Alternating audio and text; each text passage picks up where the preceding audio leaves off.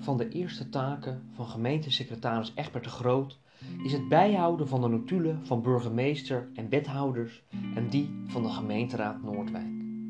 Je ziet in de archieven een groot verschil tussen de manier van het bijhouden van zaken door de oud-secretaris Holbeek en Egbert de Groot.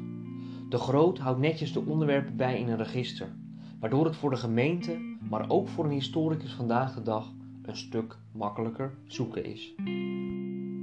De gemeentewet van 1851 heeft grote invloed op hoe het gemeentelijk bestel er tegenwoordig uitziet. Vanaf midden van de 19e eeuw, maar zeker vanaf 1880, groeit het gemeentelijk takenpakket enorm. Dit door de opname van nieuwe nutsbedrijven en de aanstelling van politieagenten door opheffing van de nachtwacht in de gemeentes. De groei van het takenpakket van verschillende besturen is niet alleen van invloed op haar omvang. Steeds meer aandacht wordt gevestigd op de deskundigheid van het ambtelijk apparaat. Er komt een opleidingsstelsel voor ambtenaren die steeds meer op maat is en wordt een ambtelijke functie steeds meer een hoofdberoep. Het is juist in de jaren van de uitbouw van het takenpakket, de periode 1870-1930, dat binnen het lokale bestuur de gemeentesecretaris een centrale rol gaat spelen. Al tijdens de Bataafse tijd is de secretaris de hoogste onder de plaatselijke ambtelijke functionarissen en in de Franse tijd is dat niet veel anders. Een van de hoofdtaken van de gemeentesecretaris is dat hij aan het hoofd staat van de gemeentelijke bureaucratie. Hij is altijd aanwezig en geeft leiding aan een steeds groter wordend ambtelijk apparaat. Secretarisambt wordt in een kleine gemeente nog wel eens gecombineerd met de functie van burgemeester of ontvanger. Dit gebeurt voornamelijk in kleinere gemeenten, in ieder geval tot aan het einde van de 19e eeuw, ondanks het feit dat de gemeentewet heeft bepaald dat sommige taken onverenigbaar zijn. Aan het einde van de 19e eeuw zullen we ook zien dat er een speciale opleiding komt tot gemeentesecretaris. En ook andere gemeenteambtenaren gaan die opleiding krijgen. Naast de burgemeester verdient de gemeentesecretaris het meest van alle ambtenaren in de gemeente Noordwijk. Als Egbert de Groot langer op zijn plek blijft zitten, zien we dat zijn salaris steeds hoger wordt en bijna gelijk komt met dat van de burgemeester van Noordwijk. Helaas ontbreken de notulen van B&W over de periode 1872 tot en met oktober 1875 om te achterhalen hoe Egberts eerste maanden als secretaris van Noordwijk verlopen zijn. Wel wordt hij in december 1876 als gemeenteontvanger van de gemeente Noordwijk benoemd. Er is te lezen op het verzoek van de heer Scholz om eervol ontslag als gemeenteontvanger wordt besloten de raad voor te stellen aan Scholz eervol ontslag te verlenen. Als gemeenteontvanger met goedkeuring van een jaarlijks pensioen van 200 gulden. En ter vervulling de daardoor ontstane vacature de raad een aanbeveling van twee personen aan te bieden, waarop zullen worden geplaatst de heren E. de Groot, secretaris, en E. Smit, de jongste wethouder deze gemeente. Op 2 januari 1877 ontvangt de gemeente een ingekomen stuk van gedeputeerde staten.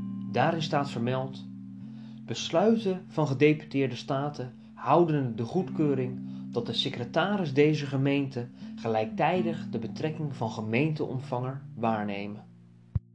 Op vrijdag 2 februari 1877 vindt de overdracht van de boeken en de kas plaats van de oud-gemeenteontvanger Scholz naar de nieuwe gemeenteontvanger Egbert de Groot. Er valt te lezen: Nadat de boeken overeenkomstig artikel 118 der gemeentewet zijn gesloten en de door de benoemde ontvanger gestelde borgtocht is goedgekeurd, worden boeken en kas aan laatstgenoemde overgegeven en daarvan procesverbaal gemaakt. Maar wat doet nu precies zo'n gemeenteontvanger? De gemeenteontvanger is eigenlijk een soort penningmeester van het gemeentebestuur en is belast met de invordering van belastingen in de gemeente en ontvangsten daarvan.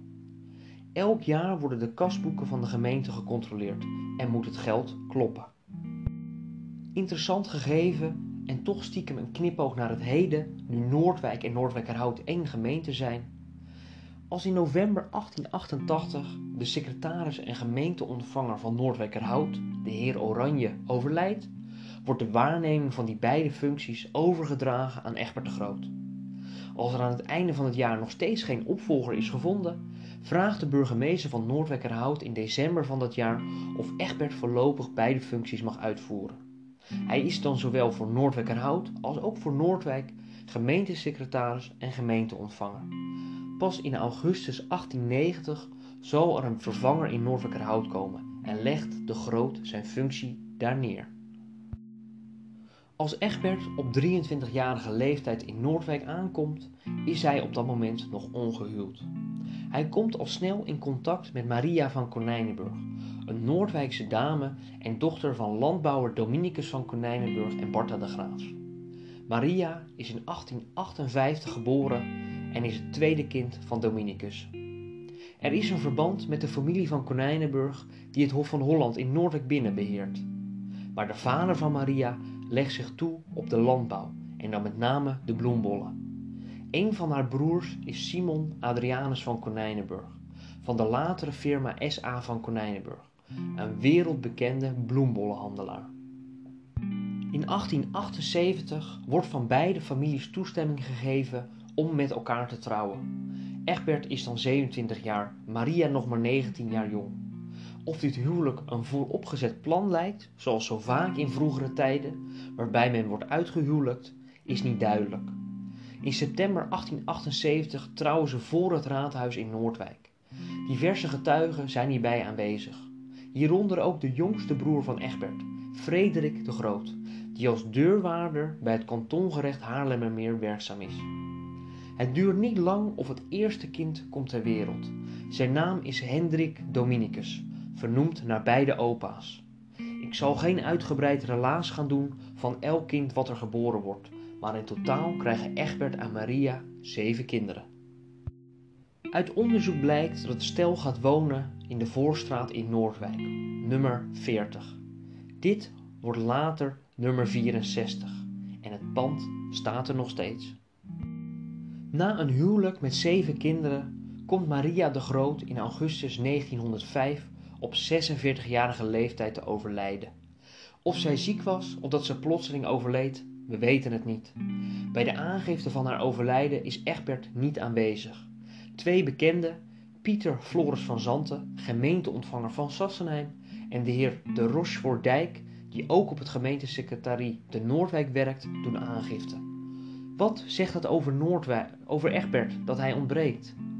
Moest hij op dat moment op de kinderen passen en hen troosten? De jongste was immers nog maar zeven jaar jong. Of was Egbert er zo kapot van dat hij zelf geen aangifte van haar overlijden kon doen? We weten het niet, maar we kunnen er slechts naar gissen. Vijf jaar lang blijft Egbert alleen achter in de voorstraat.